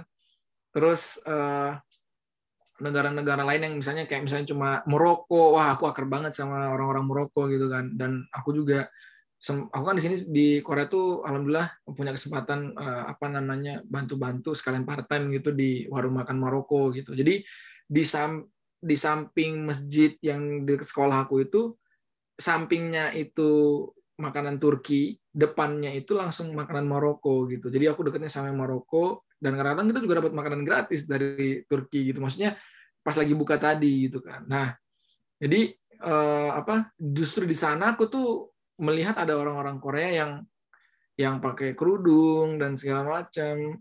Ya eh, ada yang mix meritnya sama Indonesia ada yang mix meritnya sama orang Arab orang Suria ada sama orang ya pokoknya Middle East lah ya atau orang-orang Middle East. Nah dan di sana juga kita jadi tahu gimana sih orang-orang negara lain itu tuh ini merayakan iftarnya atau atau membatalkan puasanya gitu ya. Kalau di Indonesia ya memang meriah tapi ya budaya kita aja. Jadi aku ngerasanya tuh menariknya banyak banget negara-negara lain yang aku rasakan eh, bagaimana mereka cara ini ya eh, menyiapkan bukaannya. Jadi kalau kita kan ada es buah, wah ternyata yang ini tuh buah ini nggak pakai es buah gitu. Kita pakai nasi, mereka ininya pakai roti, bayangin ya. Kita biasa kalau orang Indonesia kan bilangnya gitu ya. Kalau belum ketemu nasi, namanya belum makan gitu. Nah, mereka tuh, waduh, udahlah kuah, pakai ini dan segala itu enak banget. Jadi aku bilang tadi menarik banget, yaitu tadi keanekaragaman negara-negara dan makanannya yang bisa kita nikmati. Nah, terus kalau misalnya di masjid ya buka puasa pas sahur juga dapet dan segala macam. Kadang-kadang kita bungkus tuh kan banyak tuh. Kita bungkus nih bawa pulang bawa pulang gitu. Ya maklum mahasiswa ya. Mahasiswa tuh seneng yang gratis gratis gitu. Ya jadi uh, kita bawa pulang dan segala macam. Nah terawih tetap masih terawih cuma bedanya adalah itu tadi kita nggak bisa uh, apa keras-keras ya uh, baca ininya ya pakai toaknya di masjid dan segala macam gitu kan. Karena di samping masjid aku itu ah, nggak jauh dari situ tuh gereja sama kuil gitu tuh tempel tadi. Itu kayak apa ya mungkin aku bisa bilang tempat perkumpulan berbagai agama ya tempat ibadah agama gitu. Jadi lumayan menarik untuk itu. Terus nah kalau misalnya kadang-kadang kalau kita waktu zamannya aku nge-lab gitu tuh kita nggak bisa taraweh gitu kan kadang-kadang. Karena ya ya tadi yang jam kerja yang ada yang kepaksa ya Malika ya kepaksa harus dilihat terus gitu kan. Ada juga yang memang ya udah bebas silakan ke sana. Dan dan eh, kadang-kadang aku dulu sama teman-teman itu ya bikinnya itu tadi eh, satu ruangan di rumah siapa kita taraweh dan segala macam terus sebenarnya yang yang yang lebih kerasa itu bukan cuma cuma ininya aja ya eh, di dalam bulan Ramadan itu kan kita juga sebagai laki-laki kita kan sholat Jumat ya Putri gitu ya. ya. Nah ini tantangan banget kalau buat laki-laki. Kalau perempuan mungkin kerudungnya yang berkerudung, kalau laki-laki itu hari Jumat. Gitu. itu tantangan banget sih, gitu kan. Jadi belum lagi kalau misalnya kita, aku tuh pernah di satu tempat ya, di Miriam Campus itu tuh yang orang Indonesia-nya itu cuma dua laki-lakinya, aku dan teman aku. Sisanya tuh negara-negara campur, ada yang dari uh, benua Afrika, ada yang dari apa namanya Timur Tengah dan sekarang kita kumpul itu aja bikin mereka untuk sholat bareng aja. Itu susah banget. Karena pandangannya ya kalau sholat Jumat tuh harus 40 orang. Oh yang minimal harus ada imam sama makmum harus ini. Waduh susah kayak gitu kan. Apalagi jarak kita. Kalau misalnya berangkat dari kampus itu ke tempat yang ada masjidnya itu bisa satu setengah jam sendiri Kak Putri dan teman-teman semuanya nih. Dibayangin kita tuh datang ke sana sedangkan masih ada jam tugas atau ada kelas sudah pasti kita akan terlambat. Jadi mau nggak mau waktu itu kita pernah uh, kita udah konsultasi sana sini dan segala macam ya udah diniatin aja. Kita sholat cuma bertiga kadang berempat gitu sholat Jumat bayangin. Gitu. Jadi ya bahkan di bulan puasa juga kayak gitu. Kita terawihnya ganti-gantian orangnya itu itu aja gitu kan. Nanti uh, gantian baca suratnya. Kalau udah capek gantian lagi. Ya gitulah kalau perbedaannya ya. Karena memang mayoritas kan tadi betul kata Malika dan Malika sempat searching juga bahwa uh, more than 50 mereka itu nggak ini ya nggak percaya tentang agama ya gitu. Dan itu menarik sih sebenarnya. Aku juga pernah tanya sama temen aku terus kalau misalnya kalian tuh nggak ada agama ya kan kadang-kadang uh, kita suka diskusi sama teman-teman Korea gitu. Jadi ada aku waktu itu teman Afrika aku sama aku. Jadi kan mereka lihat loh eh kan dia mereka manggil nama belakang aku ya Kivi. Kivi kok kamu nggak makan makan sih sampai sore? Kayak gitu. Kuat emang nggak haus nggak ini gitu kan. Ditanya-tanyain terus. Jadi dulu aku tuh belum tahu bahasa Koreanya puasa itu apa. Sampai suatu akhirnya oh nggak bisa nggak bisa ini aku ini ini gitu sampai unjukin juga oh ternyata kamu gemsik gitu kan nah puasa gitu kan gemsik Oh, habis itu pas kita nungguin bareng tuh, yuk ngabuburit. Ya, aku pernah ngabuburit tuh sama mereka ya sambil duduk di siu ya, mereka minum ini dan segala macam. Terus kita uh, diskusi, eh kalau bagi aku eh, kadang-kadang agama itu adalah sebagai tuntunan, ya penuntun gitu dan segala macam. Nah, kalau kalian itu uh, apa sih yang membedakan mana yang baik dan benar? Kayak gitu kita suka nanya-nanya gitu dari ini beberapa agama sambil nungguin buka puasa tadi gitu. Nah mereka bilang jadi di sekolah kita kata dia gitu. Jadi orang Korea itu ada dua, yang satu punya agama Buddha gitu kan, yang satu lagi nggak punya agama. Ternyata di sekolahnya itu punya kayak ini ya eh, mata pelajaran moral atau tata krama kali ya kita bilangnya atau PPKN lah ya PPKN. Kalau zaman dulu mata kuliahnya eh mata kuliah lagi mata pelajarannya namanya budi pekerti. Jadi mereka ngasih tahu, oh iya buang sampah itu baik, menghormati orang, tenggang rasa. Kita kan belajarnya di PPKN ya. Nah, mereka juga punya tuh. Jadi mereka bilang dulu di kerajaan-kerajaan itu para akademisinya buat itulah istilahnya satu buku yang mengajar tentang eh, moral. Kalau di di Islam gitu kita tuh juga ada belajar kalau selain dari Al-Qur'an sama hadis as-sunnah gitu ya. Kita ada belajar kitab namanya Adabul Insan. Nah, di situ tuh di dalam kitab itu kita diajarin adab terhadap orang lain, ada berada kakak, eh berada kakak lagi, kakak beradik gitu ya, adab terhadap uh, orang tua dan segala macam, adab makan, nah itu ada semua. Nah mereka juga ada tuh yang kayak gitu tuh. Nah jadi yang tadi yang mereka nggak beragama itu, kenapa kok mereka bisa istilahnya punya tuntunan mereka tuh ngapain dan segala macam salah satunya emang di sekolahnya diajarin kayak gitu berdasarkan temen aku itu nah terus eh, terakhir ya itu tadi mereka juga suka penasaran tuh. Jadi mereka suka ikut-ikutan gitu kan. Itu menariknya ya. Kalau misalnya semuanya pengen puasa ya ya udah biasa ya nggak menarik lagi jadi ini dia ikutan ayo, ayo kita cobain yuk gitu kita cobain puasa bareng-bareng kuat nggak ya aku sampai sore dan segala macam kayak gitu terus uh, nah paling yang tadi beratnya itu kalau bedanya adalah ya satu yang kayak Malika sampaikan tadi ya takjilnya nggak ada putri gitu ya kan kalau yang versi corona nggak coronanya ya itu tadi yang ke masjidnya jadi susah kemudian kita pakai masker dan kalau jamnya ya nanti mungkin Malika bisa share juga pengalaman Malika ya. Kalau jam itu kan panjang ya. Cuma panjangnya itu ketutup sama subuhnya kita tuh. Ya, jadi sahurnya itu kan lebih ini ya. Agak lebih cepat dari bandingkan Indonesia. Eh, sorry, lebih lama apa lebih cepat ya? Lupa aku deh.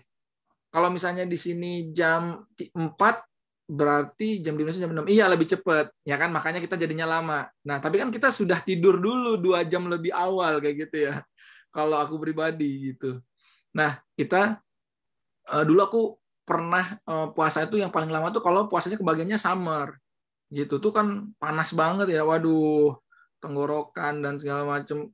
Aduh, rasanya buahnya pengen minum aja. Apalagi di sini nggak ada yang tutup ya kan? Kafe-kafenya mereka bawa es americano ya duh. Es coklat duh gimana nih? Tantangan banget tuh Putri. Bukan makanan aja belum lagi kalau misalnya kita main nongkrong ngabuburit itu tiba-tiba ke pantai. Waduh udahlah jaga pandangan jaga tenggorokan waduh semuanya gitu ya jadi banyak banget tantangannya kalau di Korea tuh sebagai ini ya laki-laki ya gitu ya kalau Malika kan nggak perlu jaga pandangan kalau misalnya ngeliat perempuan gitu. Jadi laki-laki puasanya banyak banget. Terus, nah itu tadi nyari tajil nggak ada, buka puasanya juga tuh uh, buat makanan istilahnya kan kalau bukanya tinggal beli aja sebenarnya. Cuma ya meriahnya tadi tuh nggak akan kerasa kalau misalnya tadi kita nggak dekat masjid, terus apalagi kita tuh cuma sendiri. Aku kadang nggak kebayang sih temen kita yang sekolah di kampus yang orang Indonesia cuma dia atau orang asingnya itu yang muslim cuma dia gitu ya mungkin ya tadi ya ya Malika ya mungkin dia buka sendiri ya buka ini ya buka kayak gitu gitu sih dan uh, mungkin kita biasanya ini sih hunting ke daerah-daerah yang uh, memang banyak makanan-makanan Indonesia mungkin gitu sih kalau dari aku ntar habis ya kalau aku ceritain semua banyak banget ya ternyata iya nanti kalau Malika ini Iya sama lagi sama Mas Dimas dan kayak gitu. Aku mau denger juga. Soalnya kita tuh beda kota loh Putri gitu kan. Aku pengen tahu di daerahnya Malika tuh orang ngapain sih kalau buka puasa juga gitu. Oke. Okay. Nah mungkin dari uh, Kak Malika uh, mungkin bisa di apa dijelaskan uh, cara berpakaian gitu. Kalau misalkan tadi kan ada ya kan uh, Kak Malika bilang orang Korea yang udah dari lahir gitu kan uh, menjadi Muslim, terus juga mungkin ada mualaf di sana. Cara mungkin outfit outfit mereka ya kayak ya, cara mereka berhijab atau apa gitu. Ada bedanya nggak sih kak sama uh, orang Muslim yang ada di Indonesia? Ya mungkin kita bisa komparasi langsung ya dengan cara kita berhijab gitu. Silakan Kak Malika. Oke. Okay. Tadi yang sempat aku cerita juga itu kan sebenarnya aku ketemunya sama yang laki-laki aja ya karena kan yang jaga restorannya adalah yang laki-laki aja. Dan uh, kalau berdasarkan cerita beliau eh berdasarkan yang aku lihat sih outfit laki-lakinya sama ya kayak orang Indonesia maksudnya kalau di di Middle East mungkin kita lihatnya pakai yang gamis gitu ya. Tapi kalau yang aku lihat di sini mereka sama kayak kita persis orang Indonesia kayak pakai celana bahkan uh, ada juga yang pakai celana jeans kayak kita aja terus juga pakai kaos pakai normal lah gitu. Kalau perempuannya kalau berdasarkan cerita beliau tadi lebih ke uh, perempuannya nggak pakai kerudung gitu. Karena itu tadi ketika uh, ke masyarakat itu mungkin ada beberapa yang ngelihatnya aneh gitu misalnya. Tapi tadi kalau cerita dari Mas Dimas sebenarnya ini ya uh, sempat ngelihat orang Korea yang pakai kerudung ya. Nah itu aku belum pernah ketemu sama sekali nih sebenarnya gitu. Mungkin Mas Dimas mau. Malika gitu iya. Itu orang Korea. Orang Korea, aduh cantik banget sih sebenarnya. Apalagi anak imam, aduh gitu ya. ya, ya kita mah sadar diri gitu. iya gitu. Uh, Mbak itu aja emang semua perempuan yang kerudungan cantik ya Malika ya gitu ya. iya ya masih mas ya Mm-mm. tapi ini kalau misal musim dingin itu kan uh, kita kan dingin banget ya jadi mereka tuh banyak yang jual shawl gitu ya. Terus banyak juga nih ajuma-ajuma yang uh, anak muda juga sih kadang. Itu pakai shawlnya itu ala-ala kerudung gitu. Makanya kadang aku ini ngelihatnya loh kok banyak orang berkerudung sih sekarang? gitu. Taunya mereka tuh lagi kedinginan aja. Tapi benar-benar makanya tuh sama kayak kita gitu. Cuman enggak nutup dada gitu doang. Jadi uh, sebenarnya kalau outfit berkerudung di musim dingin itu sesuatu yang biasa aja. Karena uh, mereka mungkin ngelihatnya wajar gitu karena oke okay, dingin jadi mereka nutupin kepalanya gitu. Tapi kalau musim panas mereka agak bingung kayak ini nggak wajar deh gitu. Orang kita aja kepanasan malah itu ditutup gitu. Jadi itu sih mereka lebih kemikirnya secara logis aja bukan secara kalau kita kan tuntunan karena emang harus pakai kerudung gitu. Itu kalau yang cara berkerudung. Nah, ini mungkin aku pengen bahas juga karena ini kan kayaknya sesinya lagi berislam di Korea sekaligus berramadan di Korea gitu ya. Nah untuk yang berislam di Korea nih tadi kan Mas Dimas udah banyak cerita. Nah aku pengen nambahin aja terkait dengan masjid masjid di Korea Selatan kan banyak juga tuh yang nanya kira-kira banyak nggak sih masjid uh, yang ada di Korea terus kalau ada uh, itu seperti apa gitu. Nah tadi Mas Dimas juga udah sebutin sebenarnya bahwa Mas Dimas cuman ketemu dua masjid ya yang benar-benar bentuknya kayak uh, ada kubahnya beneran, bentuknya besar seperti masjid gitu. Nah itu uh, kalau di sini Mbak Putri mungkin di Jepang juga sih sama aja. Itu uh, memang benar ada beberapa masjid aja yang uh, bentuknya kubah, tapi uh, ada juga masjid yang waktu itu di Dejon aku pernah lagi sholat id nyari masjidnya di Google Maps kayaknya uh, di sini nih tempatnya gitu. Tapi pas aku lihat kok ini di pasar? gitu ya. Di pasar terus kayak kayaknya sih bukan masjid kayak ini toko biasa gitu. Tapi ternyata pas aku masuk ada petunjuknya itu di dalamnya bener-bener masjid yang luas banget. Di situ juga banyak orang Indonesianya. Terus uh, biasanya masjid-masjid di Korea itu selain mereka sedia untuk sholat gitu ya, mereka juga sedia makanan halal gitu. Karena kan di sini susah nih dapat makanan halal. Terus ada juga masjid-masjid atau kita sebutnya mungkin musola gitu ya. Itu yang disediakan entah itu di mall, entah itu di universitas-universitas. Jadi untuk yang mau uh, sholat gitu ya, sebenarnya di Korea itu nggak perlu khawatir karena ada banyak sebenarnya pilihan-pilihan musola ataupun uh, masjidnya. Meskipun di Korea ini setahu aku kita nggak bisa mengeluarkan suara azannya sama sekali keluar gitu. Karena emang udah uh, apa ya mungkin kerjasamanya kayak gitu. Nggak boleh mengganggu masyarakat di sekitar kayak gitu. Um, terus apalagi ya mungkin nambahin yang beramadan di Korea aja sih. Karena uh, aku kan sebenarnya datang ke Korea itu ngerasain Ramadan pertama itu memang ketika udah uh, pandemi gitu ya. Jadi aku eh, cerita-cerita uh, sebelum pandemi aku taunya entah itu dari orang yang emang sharing informasinya atau uh, aku cari di internet gitu kan. Nah, berdasarkan yang aku baca memang tadi yang dibilang Mas Dimas bahwa setiap takjil itu di masjid biasanya disediakan makanan uh, ini ya berbuka dan di, di setiap harinya tuh beda-beda sesuai sama negara yang lagi dapat tugasnya negara apa gitu kan. Nah, kalau di sini masjid ada masjid karena aku di Seoul itu masjid terbesarnya ada di Itaewon. Mungkin uh, Mbak Putri udah biasa denger Itaewon, mungkin pernah lihat drama Korea Itaewon Class gitu ya. Nah, itu ada masjid terbesarnya. Terus uh, di situ juga ada uh, menu berbukanya setiap hari beda-beda sebelum pandemi, tapi karena sekarang pandemi itu udah ditiadakan. Terus karena Nah, di sini kita juga orang Indonesia banyak, itu biasanya KBRI juga nyediain uh, makanan itu setiap hari Sabtu atau Minggu ya, gitu. Pokoknya satu minggu sekali itu rame-rame tuh orang-orang nggak cuma dari Seoul, meskipun KBRI-nya ada di Seoul, bahkan dari kota lain orang Indonesia banyak yang datang demi berbuka bareng demi sholat tarawih berjamaah gitu.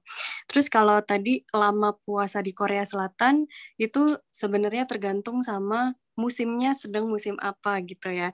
Kalau uh, aku nih udah melakukan riset kecil-kecilan gitu ya. Sebenarnya ini juga aku juga tulis di caption karena aku tuh setiap upload foto di Instagram biasanya aku nulis caption panjang gitu ya. Nah itu uh, aku di situ cerita bahwa puasa paling cepetnya di Korea Selatan itu di tengah-tengah bulan Januari karena Januari itu kan musim dingin. Nah itu puasanya mulai dari jam 6 pagi Terus buka puasa itu jam setengah enam sore. Jadi kita cukup puasa sebelas setengah jam. Itu paling cepatnya. Tapi kalau paling lamanya itu kita puasa itu di bulan Juni karena itu di tengah-tengah musim panas. Jadi mulai jam setengah empat jadi jam 3.20 sekian itu udah sahur, udah selesai, udah subuh gitu ya. Terus bukanya itu hampir jam 8 malam. Jadi ya 16 jam lebih itu kita berpuasa. Tapi karena sekarang nih Mbak Putri kita kan lagi di musim semi. Musim semi ini udah mau musimnya enak banget. Kalau di Indonesia mungkin kita kerasanya kayak di Bandung gitu ya. Enggak nggak panas sama sekali jadi nggak kerasa puasanya udah mah dingin terus juga puasanya nggak begitu lama kita mulai dari jam 4 pagi buka puasanya jam uh, setengah delapan malam gitu mungkin mirip juga sama di Jepang ya uh, jadi kalau yang tahun ini kerasanya sangat-sangat enak sih uh, puasanya gitu ya, mungkin udara. itu aja pertamain mm -mm. Oke, okay. wah nggak kerasa nih kita udah ngobrol uh, dari dari karakter orang Korea, terus uh, destinasi di sana, re rekomendasi destinasi di sana, terus juga um, orang Korea itu yang Islam di sana seperti apa gitu. Nah terakhir nih uh, sebelum kita tutup untuk Mas Dimas dan Kak Malika, mungkin bisa di-share um, pengalamannya selama di Korea, gimana sih tips dan triknya menjalankan ibadah uh, bulan apa ya, bulan suci Ramadan gitu di Korea Selatan. Mungkin boleh dari Mas Dimas. Oke, nih buat teman-teman yang ada di Korea ya, atau yang akan segera ke Korea, amin gitu ya. Uh, gini sih caranya yang bisa aku share untuk kalian yang ingin uh, Ramadan di Korea gitu ya. Pertama, teman-teman harus siapin aplikasi dulu sih sebenarnya.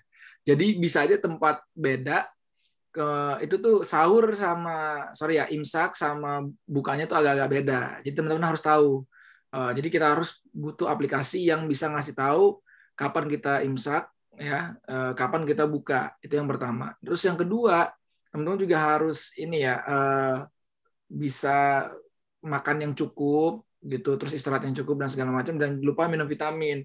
Nah, jadi aku tuh suka suka minum vitamin C juga tuh, Kak Putri, uh, Kak Malika gitu ya. Jadi uh, supaya agak kuat karena kita tuh kan pasti uh, agak kaget sama uh, suhu ya, maksudnya temperatur, weather dan segala macam.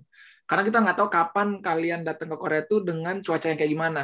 Nah, misalnya kalian datang pas lagi Ramadannya tuh musim panas yang terik banget pas di tengah-tengahnya atau yang udah di penghujung sudah mau masuk fall kayak gitu. Atau kalau nggak kita pernah yang agak-agak musim dingin dikit deh, aku lupa deh. Gitu aku juga pernah ngerasain agak musim dingin. Nah, itu cepet tapi kalau musim dingin, tapi kan kita ya menggigil juga ya kan. Nah, jadi teman-teman harus uh, tahu uh, ya kalau aku saranin sih bisa aja uh, makan yang berserat terus minum susu vitaminnya jangan lupa nah yang terakhir jangan lupa juga uh, kontakin teman-teman yang lain untuk saling ngingetin bahwa oh iya ayo kita bentar lagi puasa dan segala macem. Itu tipsnya ya kalau dari aku karena kadang tuh suka bablas gitu ya nggak sahur gitu ya. Jadi ingetin teman-teman. Kebetulan kan aku tinggalnya sama teman-teman. Kemudian uh, dari satu flat itu juga ada orang yang lain ya, kayak gitu. Nah, jadi kita tuh suka suka ngingetin, eh udah pada sahur belum? Ini segala macem, ayo bareng-bareng. Dan dan kadang-kadang kita siapin gitu. Jadi itu dia tiga tips dari aku. Pertama, jangan lupa uh, cari aplikasi atau download aplikasi gitu ya buat teman-teman supaya kalian tuh memudahkan kapan azannya dan segala macam karena kita nggak tahu kapan azan nggak akan pernah dengar tuh teman-teman kalau nggak benar-benar tinggal di masjidnya yang kedua, ya tadi teman-teman harus eh, makan yang berimbang, yang cukup, bukanya juga jangan cepat-cepat jangan kaget supaya tetap terus fit. Yang terakhir juga uh, coba ajak teman-temannya supaya teman-teman itu bisa jalani Ramadan uh, dengan rasa yang lebih bahagia, nggak kesepian, nggak sendirian, ya gitu. Oke, mungkin itu dari aku, Kak Putri. Oke, thank you banget Mas uh, Dimas. Mungkin terakhir dari Kak Malika, silakan Kak tips dan triksnya menjalankan ibadah puasa di bulan suci Ramadan gitu selama di Korea Selatan? Oke, mungkin aku nambahin juga aja ya dari Mas Dimas tadi yang pertama terkait aplikasi itu bener banget ya kita butuh ya aplikasi karena nggak cuman beda-beda di setiap wilayahnya tapi di satu wilayah pun tiap harinya geser gitu ya jadi misal hari ini uh, subuhnya jam 3 57 gitu ya. Tapi besok bisa lebih cepat lagi. Jadi 355 katakanlah bisa lebih cepat satu menit, bisa lebih cepat dua menit. Jadi kalau kita nggak ngecek, jangan-jangan kita eh lagi makan ternyata udah subuh gitu ya. Jadi kita harus benar-benar aware terhadap hal itu. Uh, karena itu tadi ya kan musimnya uh, makin lama makin berubah nggak kayak di Indonesia yang dari awal Ramadan sampai akhir Ramadan itu ya jam segitu-segitu aja gitu ya puasanya. Tapi kalau di sini kita berubah-ubah. Terus yang kedua udah pasti siapkan mental karena kita kan di sini semuanya merantau yang pasti jauh dari orang tua jauh dari uh, zona nyaman kita yang di Indonesia semuanya serba ada. Bahkan kadang kita tuh dibangunin udah siap makanannya gitu ya. Itu juga kita males-malesan. Sedangkan kita di sini benar-benar harus nyiapin semuanya sendiri. Kadang kalau emang nggak sempat ya udah terpaksa tadi ya sahur sama buka bareng. Itu sesuatu yang biasa banget di Korea Selatan. Terus sama yang ketiga itu siapkan eh, nggak uh, cuma mental tapi juga siapkan iman gitu. Karena jujur ya teman-teman ketika aku di Korea Selatan itu banyak banget teman-teman yang karena mungkin kebawa arus kali ya. Karena oke okay, kayaknya orang Korea uh, apa ya kalau aku, biar aku bisa temenan sama sama mereka aku harus jadi orang yang misal katakanlah minum soju gitu ya atau yaudah dia nggak usah sholat karena nggak ada temen yang bisa aku ajak gitu. Akhirnya ke bawah ke bawah sama arusnya atau bahkan aku gak cuman satu dua kali nemu juga orang Indonesia atau foreigner yang tadinya berhijab terus ketika udah datang ke Korea aduh nggak suka diliatin gitu atau aduh panas gitu. Akhirnya dilepas itu juga banyak banget. Jadi yang pasti siapkan iman ini perlu banget sih di Korea Selatan karena nanti iman kita itu akan diuji banget. Gak cuman tadi kerudung tapi juga misal makanan halal susah banget dapetnya azan nggak bisa kita dengerin atau hal-hal yang lain yang benar-benar menguji iman kita selama di Korea ini. Jadi itu tadi ya penting banget kita mempersiapkan mental dan iman untuk berislam dan beramadhan di Korea Selatan gitu. Oke, wow. Banyak banget pengalaman yang sudah di-share baik dari Mas Dimas dan juga Kak Malika, teman-teman. Nggak kerasa Mas Dimas uh, Kak Malika, terima kasih banyak sudah mau uh, direpotkan dan diundang oleh kami tim Suara Awada Podcast. Uh, nggak kerasa teman-teman, kita sudah sampai di penghujung acara. Terus saksikan Suara Awada Podcast.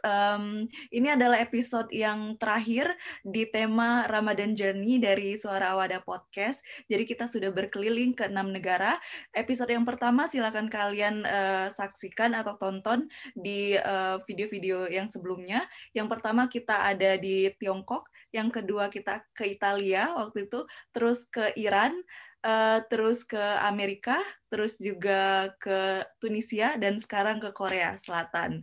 Wah, Oke teman-teman, jangan lupa juga untuk like, komen, dan subscribe, dan juga uh, aktifkan tombol uh, lonceng atau notifikasi uh, yang ada di bawah video ini, biar kalian dapatkan video-video uh, terbaru uh, dari Suara Awada Podcast. Terima kasih banyak sudah menonton acara kami, Suara tim uh, Suara Awada Podcast sejauh ini, teman-teman. Kita akan ada tema yang lain lagi, jadi tetap kepoin dan pantengin terus da uh, program dari Suara Awada Podcast. Terima kasih banyak teman-teman. Sekali lagi saya mau mengucapkan uh, Ramadan Mubarak yang sebentar lagi akan uh, berakhir. Nggak kerasa ya teman-teman. Sampai jumpa di Ramadan tahun depan lagi and happy upcoming Eid Mubarak teman-teman semua di mana pun kalian berada. Saya Putri Ananda, host dan uh, perwakilan tim dari Suara Awada Podcast mengucapkan terima kasih dan wassalamualaikum warahmatullahi wabarakatuh.